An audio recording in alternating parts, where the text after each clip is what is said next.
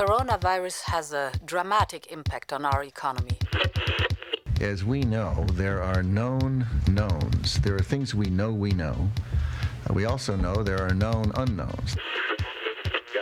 Build back better, bla bla bla. Green economy, bla bla bla. In diesem Sinne kann ich sagen, ja, äh, wir sollten alle Feministen sein. This footage from Al Jazeera purporting to show Taliban fighters inside the presidential palace declaring the Islamic Emirate of Afghanistan.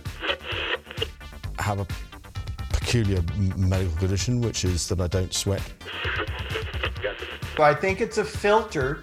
It, And the- it is, and I don't know how to remove it. Not, I'm not a cat.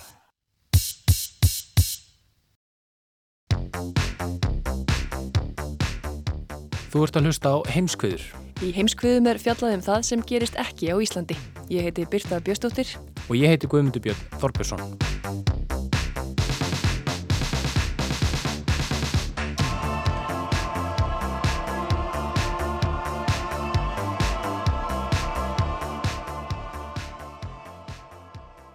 Í heimskviðum í dag ætlum við að fara til Bosníu, við ætlum til Kazakstan og með stuttri viðkomu í Breitlandi.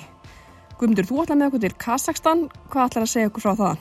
Ég ætla að segja ykkur frá mannskeiðum mótmælum, sangallara óöld sem hefur átt sér stað í Kazakstan uh, í rauninni frá upphafi árs. Henni laug þó í þessari viku sem betur fer. Almenningur mótmælti upphaflega já, háu eldsneitisverði en eftir að skoða málið nánar þá sér maður að það er ymsar aðrar ástæður að, að, baki, að baki þessum átökum. Og ég ræði við hérna kazaksku Jersjönu Ahmed Shanovu sem hefur búið hér á landi frá árinu 1997 en svo allar Hallgrimur Indriðarsson að flytja okkur bestileg sett. Jú, hann ætlar að gera það. Frá Bosníu eins og ég sagði þann en fyrir tæpum 30 árum þá fremdu Bosníu serbar hryllileg voðaverk í stríðunni í Bosníu-Herzegovinu eins og flestum er kunnugt. Nú eru Bosníu serbar hins vegar með þjóðurnisinnaðar leðtóa sem hefur dreyið úr sameiginlegum stopnunum Bosníu-Herzegovinu. Og þá spyrja margir hvort að sagan frá því fyrir tæpum 30 árum sé að endur taka sig. Hallgrím ætlar að ræða við Magniðu Marinósdóttur, alþjóða stjórnmálafræðing um árið. En ef við ekki að byrja í Kazakstan. og svo ætlum við aðeins að tjekka á góðkunningja þáttarins Andresi Bretaprins Já, það bárust nýjar fregnar af honum í vikunni. En við ætlum að byrja í Kazakstan.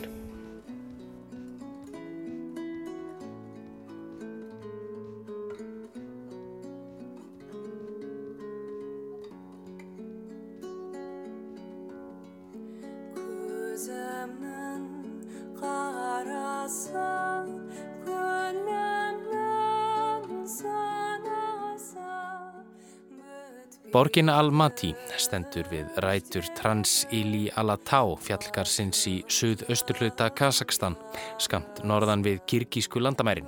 Höfuborg Kirgistan Bishkek er aðeins í um 190 km fjarlægð frá Almaty og kýmerska stórborgin Urmuchi í um 1000 km fjarlægð til austurs. Almaty stendur í 7-900 metra hæð yfir sjávarmáli umkringd ægifögurum fjallgarðinum.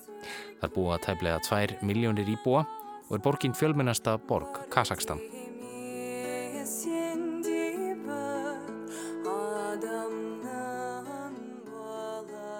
Þetta er mjög falleg borg. Þetta er fallegsta borg heimsins af mínum áti.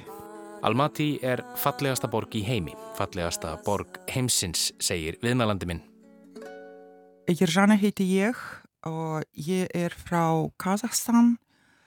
Ég ólst upp í borginni Almaty.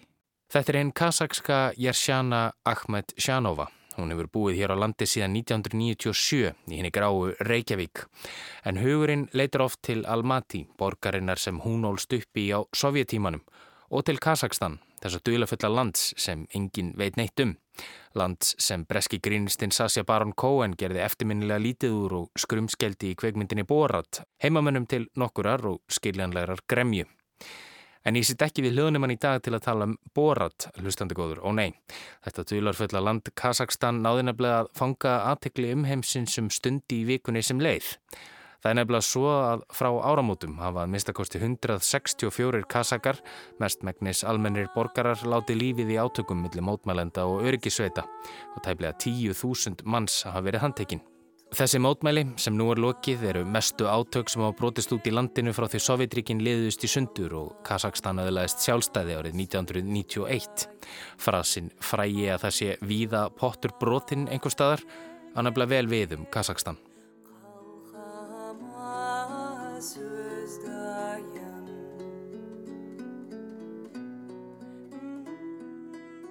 Kazakstan á landamærið Rústlandi í norðri, Kyrkistan, Úsbekistan og Turkmenistan í söðri og Kína í austri. Þetta fyrir um Sovjetlýðveldi er stærsta landlugta ríki heims og nýjunda stærsta land veraldar. Það er búa tæplega 20 miljónir og landið er eitt að dreifbílasta í heimi með færre en 6 íbúa á hvern ferkilometra. Kazakstan býr yfir einum stærstu ólíubyrðum heims og degi hverjum eru framleitar yfir 1,6 miljónir ólíutunna í landinu. Kazakstan er uh, í sjálfum sér mjög rík land. Það er að minnstakosti þrýðjung af öllu ólíu og gasi heimsins er í Kazakstan.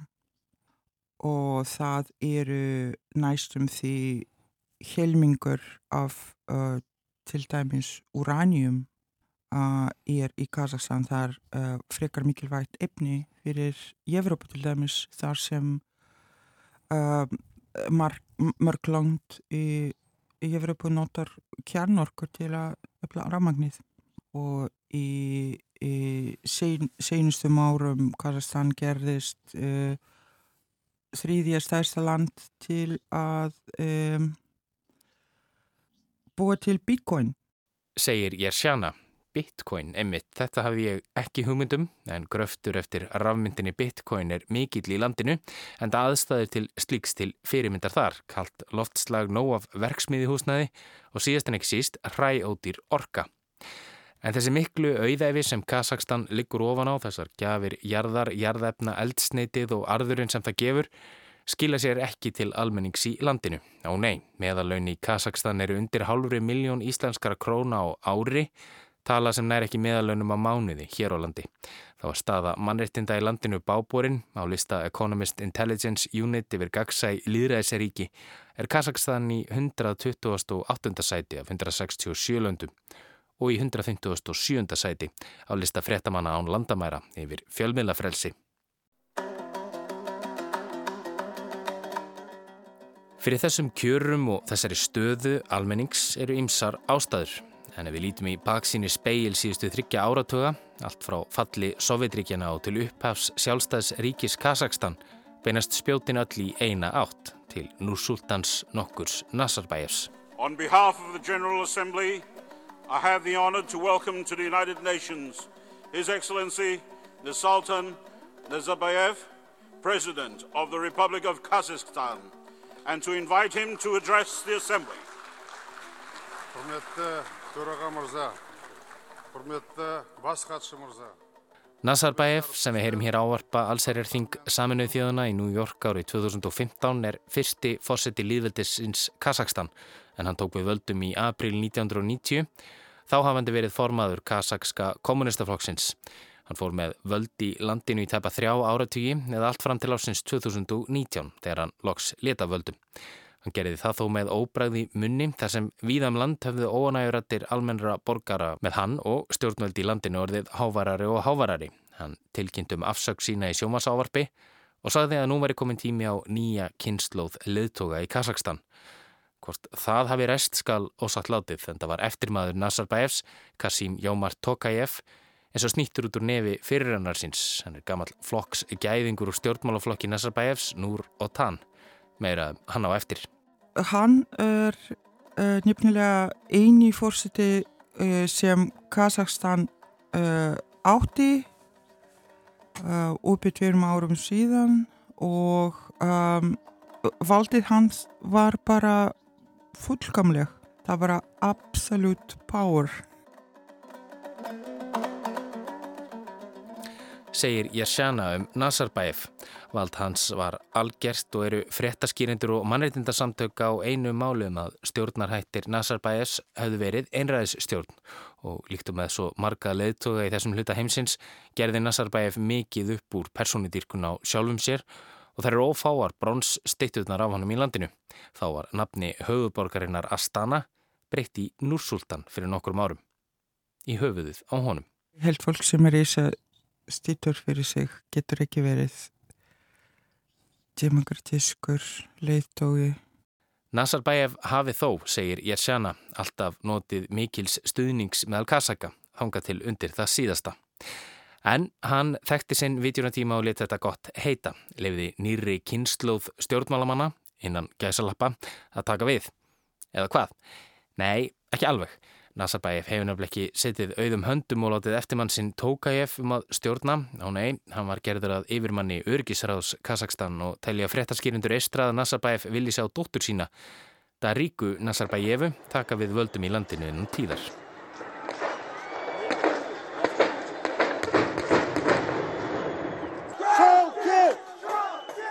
En er tvær vikur sem liðnar eru af árinu 2022. Það hafa verið þær erfiðustu á stjórnmálaferðli hins nýja fósetta Tokajevs. Ástæðan eru kröftu mótmæli almennings í landinu, mótmæli sem dróðunar er 200 almenna borgara, herrmenn og lauruglumenn til dauða. Og hvergi voru átökin jafn hörð og mannfallið jafn mikið eins og í Almaty, heimaborg Jersönu, Ahmed Shanovu. Mariam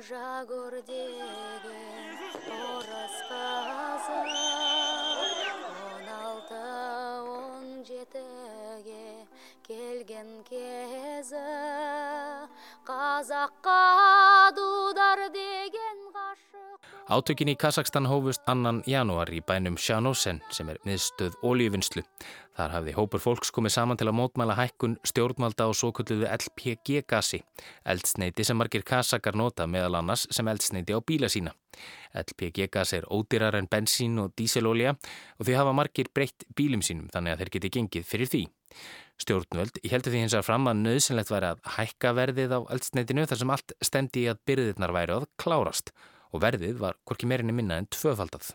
En verðhækkun á eldsneiti var ekki það eina sem lág funkt á mótmælendum sem beindu reyði sinni einni að spiltum stjórnarháttum. Almenningur var orðin lang þreyttur og í heimsfaraldri verður erfiðar að draga fram lífið á stað þar sem samfélagslegir innviðir eru ekki eins og við eigum að venjast á Vesturlöndum. Ástæðir í heiminu í heil eru mjög erfið, erfiðar út af COVID og uh, það er ekki bara gas og ólíja sem hækuðu, líka mat. Að sama tíma fólk fekk ekki hækun við launin sinna eða, eða lífeyrisgreislur og eins og þú tók fram það er gríðilega munur millir fátækja og rík, ríkja fólk á, á Kazakstan þess vegna fyrir margra þetta var bara uh, var kannski ekki hægt að halda áfram að lífa Dúðarayum dúðum, bir sen ışın dúðum Mótmælendur hópuðust meðal annars að bránstittu af Núsultan Nazarbayev fyrir um fósetta og reyndu að velta hann um koll. Til að sefa reyði almennings tilkynnti Tókajev fósetti að Nazarbayev hefði verið listur frá störfum sem yfirmaður öryggisaráðsins og í hans stað kæmi, já því gískuður rétt, Tókajev sjálfur. Á miðvíkudag ávarpaði Tókajev svo landsmenn í kjölfar þess að mótmælinn hafði borist til Almaty. Þar hafði hópur mótmælenda ráðistinn á skrifstofu borgarstjóra og einnin í banka, verslanir og veitingahús. Dagið sateistinniki, vnóf abraðsjáis kvam præviti blagarazumíja og nýpaddavatsa Ég ítrekka ennu aftur, saði fórsetin við mótmælendur, verið stilt og ekki leita ófríðar. Það hótaði hann að beita mótmælendur mikilvæg hörku þar sem hún bæri skilda til að tryggja frið og öryggi í landinu. Hann flyttir svo sérstök skilabóð til ungmenna.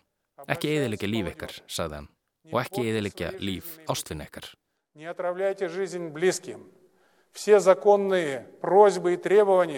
En ráðleggingar fósittans gerði lítið til að læja öldurnar. Mátmælinn heldu áfram og á fymtudag í síðustu viku var greint frá því öryggisveitir í landinu hefði felt tugi mátmælenda þegar þeir reynduð að brjóta sér leiðin á lauruglustöðar og fleiri ofinberðar byggingar í Almaty. Og þá brást Tókaev við. Í síðustu viku fór hann fram á það við samvinnu og öryggisbandalag fyrirverandi sovjetlífilda, CSTO, að það sendi lið til Kazakstan til að hjálpa við að stilla ófríðaröldur. Rússar og fimm önnur fyrirverandi sovjetlífildi eiga aðild að sambandinu. Fyrstu gæsluliðarnir komið til landsins á fymtudag í síðustu vikum og voru yfir 2500 talsins þegar mest let. Þetta var fyrsta stóra verkefnið sem samvinnu og örgisbandarlægi þurfti að kljást við frá því það var stopnað árið 1999. Það ber að hafa í huga að Núrsultan Nazarbæf var náinn bandamæður Vladimir Putins Rúslandsfosseta og er tengst Kazakstans og Rúslands því mikil og góð. En átökin í Almaty heldu áfram og það var erfitt fyrir ég sjönu að fylgjast með fréttum af mannfalli frá heimaborg sinni. Þetta eru harmleikar um, sem tók, ég tók mjög yllaðu þetta. Qor bo'lib bir jamonga ketganimcha aldimdan Antoni Blinken, utryggisræðara bandarækjana, hvati í síðustu viku Kasaks stjórnvöld til að finna friðsamlega löstn á málinu. En þegar hann fekk freknir af aðkomu rúsa, það er aðstóð rúsneskra hermana í gegnum samvinnu og örgisbandalæð, fór hann að ókýrast. Og í viðtali við sjónastöðina ABC sæðist Blinken ekki skilja af hvers vegna Kasakars teltur sig þurfa á aðstóð rúsa að halda. We have real questions about why it was uh, necessary uh, to call in this organization that, uh, that Russia leads and is a part of. Uh, these ought to be things that the uh, government of Kazakhstan can handle on its own and handle in a rights respecting way.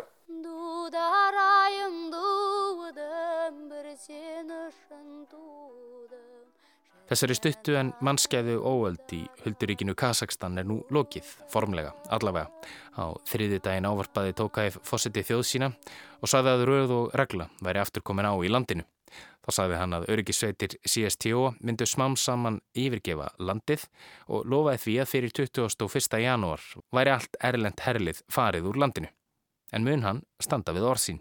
Við skulum sjá, ég, ég halda von hann myndi gera það mm -hmm. og það myndi bara komast í eins konus uh, bara uh, stöðuleiki. Já, þú kemur stöðuleiki.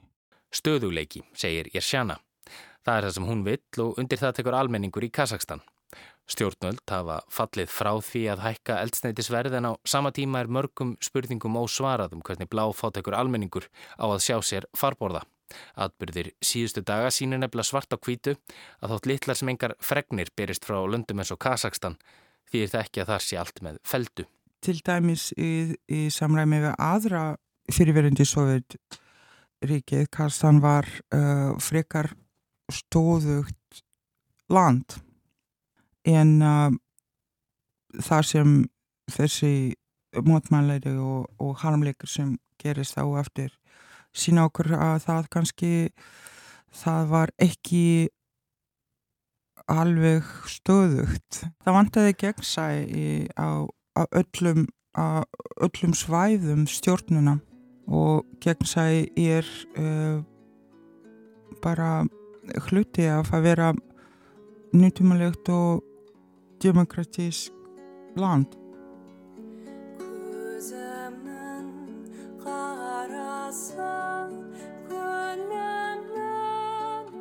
Kasim Jókert Tokajev, fósetti, hefur nú stokkað upp í ríkistjóninni og meðal annars skiptum fósettisráþara. Þá gaggrindi hann nýverið fyrirennar sinn í starfi Nazarbæjev og hans nánustu samstagsmenn síðustu ára fyrir græðki og auðsöpnun. Alþjóða flug til og frá höfuborgin er hafið á nýjanleik og vonandi, já vonandi eru bjartari tímar framöndan. Ísland er langt frá heimsins víga slóð eins og segir í sálminum og vonand er það þannig í tilfelli Íslendingsins að þegar hann frettir af hildar leikjum og annars konar hörmungum utan á heimi frá Timbuktu eða langt í burtlistan vil hann fræðast meira um land og þjóð. Land eins og Kazakstan er til dæmis sangallað huldu land fyrir fólki á Vesturlöndum. Terra incognita, segir Jersjana. Uh, Kazakstan ennþá eins konar stera inkognita fyrir uh, uh, vesturbúa.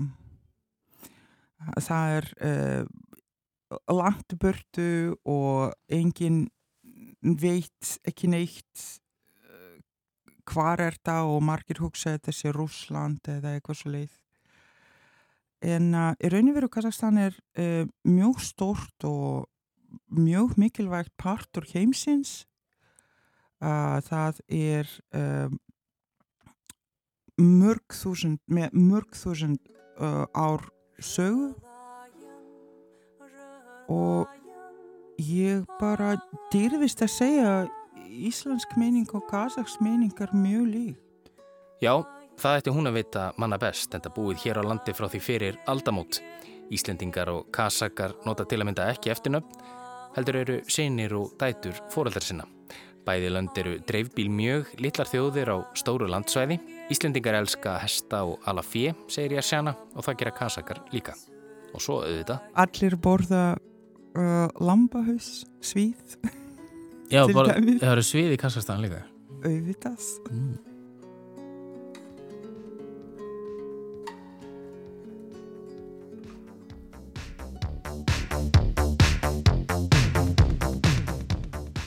Og frá Kazakstan höldum við til Breitlands. Við ætlum aðeins að fara stuttlega yfir mál eins tildekins breyta sem átti ekkert sérstaklega góða viku.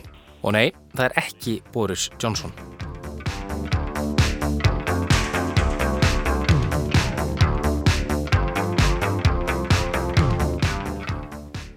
Ég er ánað með að hafa enn tækifæri til að afhjúpa sannleikan. Baratan mín hefur snúist um að sína fram á að enginn eigi að vera hafinn yfir lög. Sama hversu ríkur eða frægur þú kant að vera, þá áttu samt að bera ábyrð á gjörðum þínum. Þetta er haft eftir Virginia Jeff, bandarískri konu sem hefur undan fann ár, freysta þess að skila skömminni þanga sem hún á heima, í fangi á manninum sem hún segir hafa beitt sig kynferðislegu ofbeldi. Ánæjan sem Jeff fann fyrir í vikunni er tilkomin vegna ákverðunar dómara í New York um að vísa frá, kröfu hins ásakaða um að vísa málunu frá dómi. Hún segir sömu leiðis að þessa baráttu hegi hún ekki einn. Samliða henni í baráttunni gangi ótæljandi aðrir þólendur kynferðislegs ofbeldis. Barátta Virginia Djöfr hefur líklega ekki verið auðveld og laungur hún orðin. Auk þess sem hún er að mestu rekin í kastljósi fjölmila um heim allan. Enda maðurinn sem hún segir hafa brotið á sér, Andrés Bretaprins. Já, eða kannski bara Andrés. Eftir ákvörðun dómarans í vikunni var haldin annar fundur í höllu drotningar. Líklega ekki fyrsti fundun þar sem málefni þess að þriðja Bass Elisabeth Englandsdrottningar eru á dasgrá. Andrés hefur ekki synd neinum ofinbjörnum verkefnum á vegum konungsfjölskyldunar frá árnu 2019 vegna málsins. Í vikunni var svo skafið enn meira verkefna og titlalista Andrésar sem nú hefur afsalað sér öllum hér titlum og meðfættum hlutverkum sínum. Það var hann ekki lengur verndarinn einna samtaka og mæti til varna í dómsal sem almennur borgari. Þá mun hann ekki lengur notast við títilinn hans hátign, His Royal Highness. Það byrjaði raun fyrst almenlega að halla undan fæti hjá Andresi eftir viðtal nokkuð. Í frægu klukkustunda viðtali í nóvumber 2019 þar sem Andres ætlaði aldeilis að gera reynd fyrir sín dyrum. Þá sáttu áhöröndur eftir með umtalsett fleiri spurningar og evasemtir eftir áhörfið. Tonight, for the first time, Prince Andrew speaks out. I don't know why I've, I've, I've um, uh, collected that title because I don't, I, I never have really parted. Andris var í viðtalinu jafn utan gátt á nafni hans í jólalæginu góða og óð elgin um pizzastaði í Woking og skort hans og hæfileikanum til að svitna. Það síðan nefndi hefur verið tilefni til ótal útúrsnúninga og gamanmála á internetinu eins og oft vil verða og þau voru svo eftirminlega þessu umæli að þau rötuðu meðal hans í upphaf þessa ágæta þáttar. Problem with, with, with, with, with the sweating um, because uh, I, I have a peculiar medical condition, which is that I don't sweat, um, or I didn't sweat at the time. En tilefnið eru þetta alls ekkert gamanmál og ummelinn um svitaleysið gætu komið Andris í enn meiri vandræði. Staðhæfingin er eina af þeim sem dómari getur krafið Andris um að sanna fyrir dómi. Svitaleysið er nefnilega hluti af vörn Andrisar, alltaf að afsanna staðhæfingar djöfrum og hún hafi dansað við löðusvittan prinsinn. Málið tengið sem kunnut er barnanýðingnum Jeffrey Epstein fyrir um vini Andrisar. Epstein lést í fangilsi þar sem hann beigð réttarhalda vegna ótal ásakana um barnanýð og mannsal meðal annars. Mál Jeff var ekki þeirra á meðal því hún gerði á árum áður samkummulag við Epstein. Hún fekk greitt gegn því að fjalla frá málsókn gegn Epstein og öðrum mögulegum sagbortningum fyrir kynlífstrælkun og kynferðsafabeldi. Verjandur Andrisar vildu nýta þetta samkómula til að móka máli Andrisar frá dómi, en höfðu ekki erindi sem er við eins og hér áður var rækið. Svo nú mætir óbreyttur Andris með verjandur sína til leiks. Hann hefur tvo möguleika, annars vegar að býða örlaga sinna og ákvarðana dómara í réttarheldur um það vestra. Hinn möguleikin er leita sátta við djöfr, en hún hefur sjálf aftekið með öllu að gera frekari samninga við nokkurn í málunu. Síst af öllu mannin sem hún segir hafa nauðgað sér þrísva sinnum þegar hún var 17 ára gömul.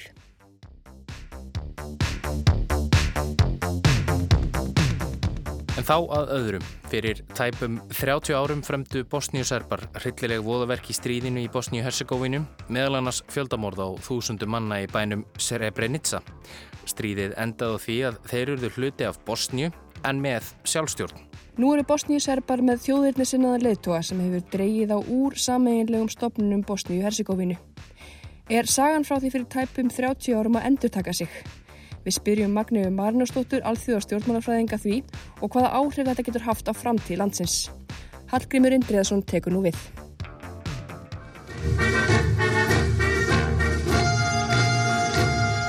Nýjunda janúar síðastliðin var blásið til mikill að hátíðahalda í borginni Banja Luka sem er stærsta borgin í serbneska hluta Bosníu-Herzegovinu.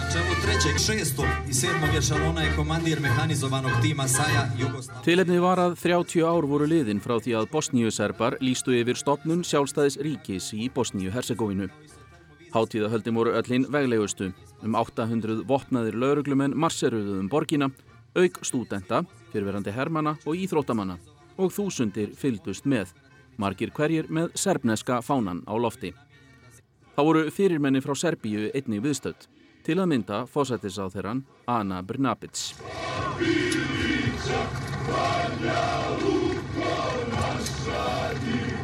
Tímamótana hefur verið minnst á hverju ári. Landið er hins vegar tvískipt og íbúar hins hlutalandsins, það sem búa bosnískir muslimar og kroatískir katholikar, eru ekki eins hrifnir. Í raun markar þessi dagur fyrir þá upphafið af miklum hörmungum stríðunum á Balkanskaga sem stóðu frá 1992 til 1995.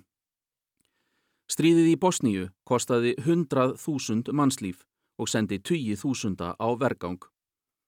Stjórnvöld í Bosníu-Herzegovinu hafa í raun bannað þessi hátíðahöld en Bosníu-Serbar letu það sem vindum eiru þjóta. Í þessi hátíðahöld vantaði þó einn hóp sem verið hefur meðhingað til serbneska hluta hins sameinlega bosníska hers.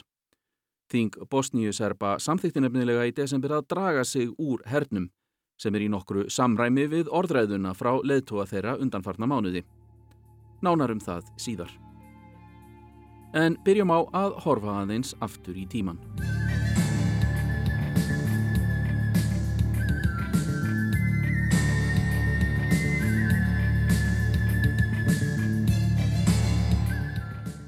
Bosnia-Herzegovina var áður hluti af sambandslífildinu Júgoslavíu á samt Kroatíu, Serbíu, Svartfjallalandi, Sloveníu og Makedóníu sem nú heitir Norður Makedónia. Þegar jártjaldið opnaðist í loku nýjunda áratugs síðustu aldar, jógst krafanum aukna sjálfstjórn og svo fórað öll líðveldin heldu eigin kostningar árið 1990. Þær enduðu þannig að aðskilnaðar sinnar komist til valda í öllum löndunum nema Serbíu og Svartfjallalandi og lístu þau yfir sjálfstæði eitt af öðru. Kosovo gerði það svo síðar en það var áður sjálfstjórnar hér að innan Serbíu. Í Bosníu-Herzegovinu skapaði þetta flokna stöðum þar sem íbúar samanstanda af serbneskum og kroatískum þjóðarbrótum sem og bosnískum muslimum. Bosníuserbar heldu þjóðaratkvæðagreyslu í november 1991 þar sem var samþygt með yfirgnefandi meiri hluta að vera áfram í Júgoslavíu. 9. janúar 1992 lístu svo Bosníuserbar yfir stopnun eigin líðveldis. Leðtói þeirra, Radovan Karadzic, saði þetta einu leiðina til að tryggja réttindi Bosníuserba. Stjórnmöldi í Bosníu-Herzegovinu tóku þá atkvæðagreyslu ekki gilda sögðu hann að ganga í berhögg við stjórnarskrá landsins. Bosnia-Herzegovina lísti svo yfir sjálfstæði í mars sama ár. Serbarnir hófuð þá umsátur um höfuðborgina Sarajevo sem varð byrjunin á skjelvilegu stríði í landinu sem stóði í þrjú og hálft ár. Í því fjallu 100.000 manns og voru múslimar stráfeldir þar með skipulöðum hætti. Frægust voru fjöldamorðin í Srebrenica, þar sem yfir 8.000 karlmenn og drengir voru myrtir með köldu blóði á hálfu mánuði í júli 1995 og yfir 20.000 manns voru hrakinn frá heimilum sínum. Þetta voru verstu fjöldamorð mannkinsögunar frá lokum setni heimstirjaldarinn.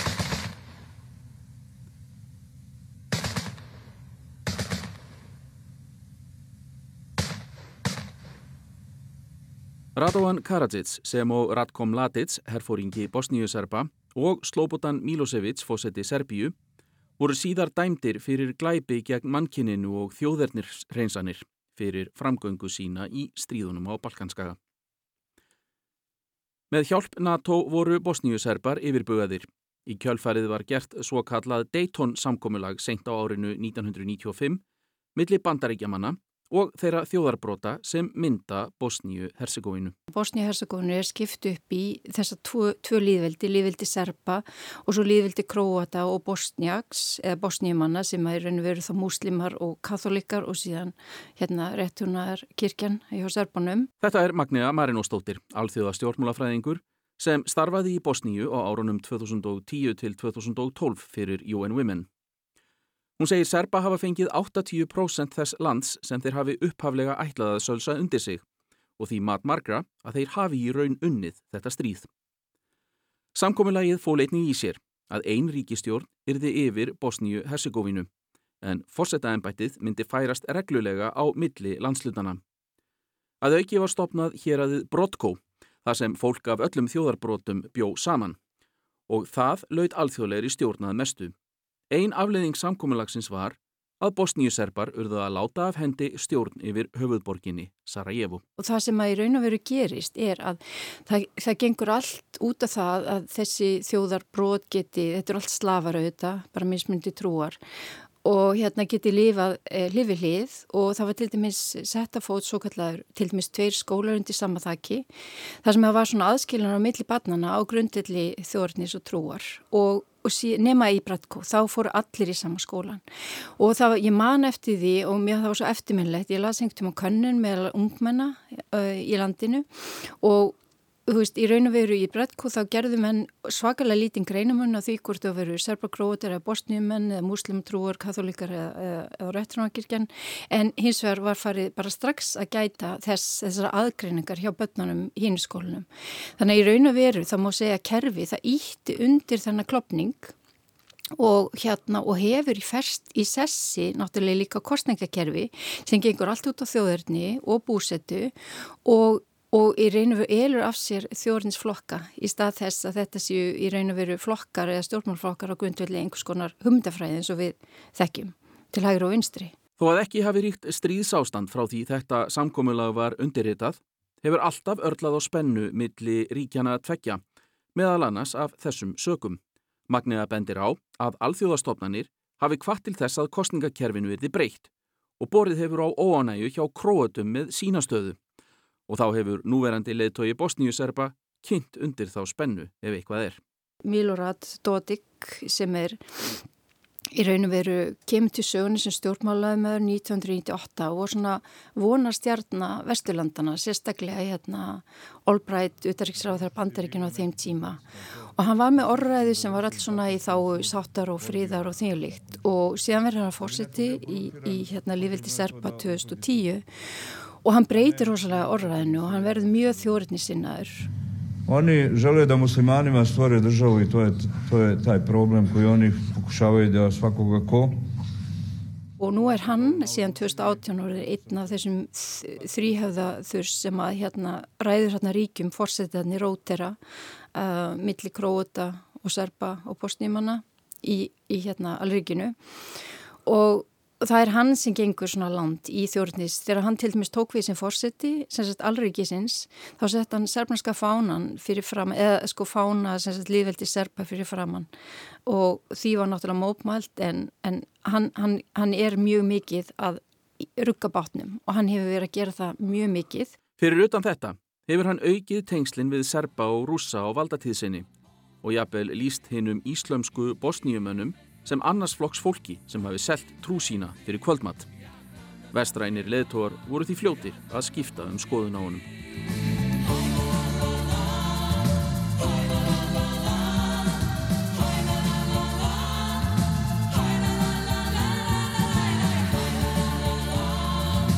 Frá því hann varð fulltrúi Bosníu-Serba í fósetta-embætti Bosníu hefur hann reglulega verið upp á kant við aðra fulltrúa.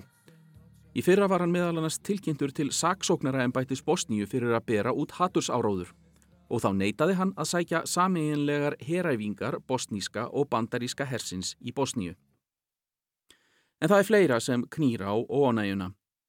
Sérstakur erindreiki bandaríkjana í Bosníu sem hefur starfað frá því Dayton-samkúmulagi var undirritað og ræður miklu um það sem gerist, hefur til dæmis komið lagasetningum til leiðar, til dæmis nú í sumar, þar sem bannað var að afneita fjöldamorðunum í Srebrenica. Og þetta kemur til að því að Dodik til dæmis hefur varið hérna náttúrulega helsta stríðsleipamennin uh, hérna uh, Karadic, uh, Radovan Karadic og hans hérna herfóringja Ratko Mladic og hann er með sína einn líka útastöð Það sem hann heldur fram svona að, að, hérna, að Serbar hafi aldrei framinn eitt þjóðamorð og Serbar náttúrulega, þeir vilja ekkit horfast auðu við það að lífveldi Serba var stopnað á grundvelli þeirra voðaverka og strískapa sem þeir frömdu í Bosni-Herzegovini. Serbar náttúrulega, þú veist, hvort sem þeir komu að þessum voðaverkum beint eða ekki,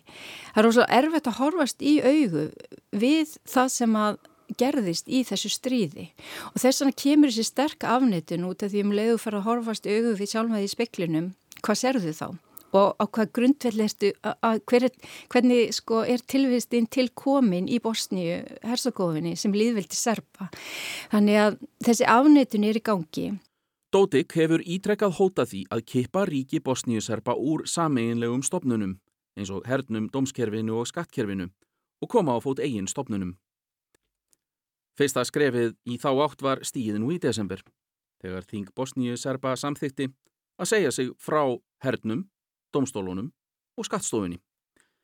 Bandaríkja menn brúðust ókvæða við og settu viðskiptaþinganir á Dódik, en hann lætur sér fátum finnast.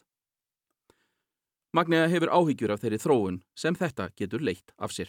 Þetta er náttúrulega það sem að auðvitað margir er að velta fyrir sér og það er í raun og veru bara að vera að tala um því miður að eh, að hugsaðlega næstu 10-20 árum verður bara svipuð. Að þetta er svona eins og það kallast svona í raun og veru sko uh, frosin átök þetta eru undirlegjandi átök þau eru bara frosin, þau ganga aldrei það, það verður ekki, ekki vopni átök en það eru eilif átök í gangi. Og, og hérna og sumin allar bara tala um það þetta, þetta sé bara að verða það sem heitir falli ríki eða failed state. Og hérna og það hvernig auðvitað er farið að reyna að breyta þessu með að reyna að breyta kostningalögunum og kostningakerfinu og draga náttúrulega úr þú veist því sem að gerist sem að með þess að þjórnisflokka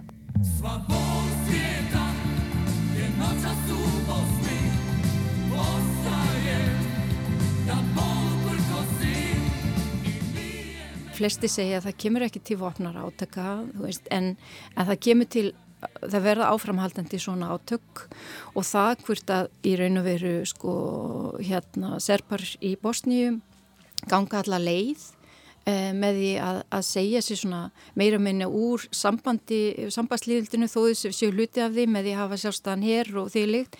Það fyrir líka bara daldi eftir því um, hvaða stuðning þeir fá til dæmis frá sínum bandamönnum sem eru auðvitað rússar og serbíja og því líkt út af því að, að þeir hafa náttúrulega ítök uh, þar Þannig að, að það er doldið erfitt að spá fyrir um það en, en það er svo augljósan sem áður að það þarf að gera einhverja grundvallar breytingar á stjórnarskarni og, og, og þessu að kostningikerfið tækir svona mikið þjóðarni og búsetu. Það er bara að auka klopningin. Það sem eigur enn á vandan er að kerfið hefur leitt af sér mikla spillingu og atvinnuleysi, segir Magnea. Það sé nöðsynlegt að breyta því. Mér finnst, mér finnst mjög erfitt að segja til um í raun og veru hvað gerist nema að það verði bara svona langvarandi svona ástand sem haldi bara áfram í raun og veru og breyti slítið til batnaðar nema þá að fólk í raun og veru fari rumvörlega mópmála og það er einmitt það sem að er kannski bínlítið dablegt við Bosni-Herzegovina og þó maður skiljið á vissanhátt. Fólk gerir lítið í því að mópmála, þú veist að gerir það það hefur gert það, það hafa verið fjöldamópmæli en það er líka þekkt að þegar eru mópmæli að þá, eru, þá finn fólk fyrir því, það fær að finna fyrir aflengunum, það kannski bara missi vinnuna eða, eða þú veist, það verða einhverja svona persónlega aflengar, þannig að það er svona mikinn kúin þannig í gangi, þannig að fólk kannski þóri lítið að segja og gera til að mópmæla einhverju og það vanta náttúrulega, það þarf samtakamátt til og, og, og svona einhverja baráttu gleði sem að manni finnst stundum vonlýsið og svona, og, og, og svona þetta apatí sem að hérna, maður finnur mikið fyrir. Það er bara, það er svona ræðurtaldið ríkjum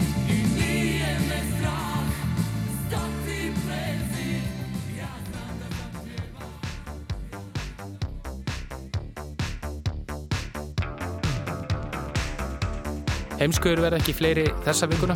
Við verðum hér aftur á sama tíma í næstu viku. Takk fyrir að hlusta.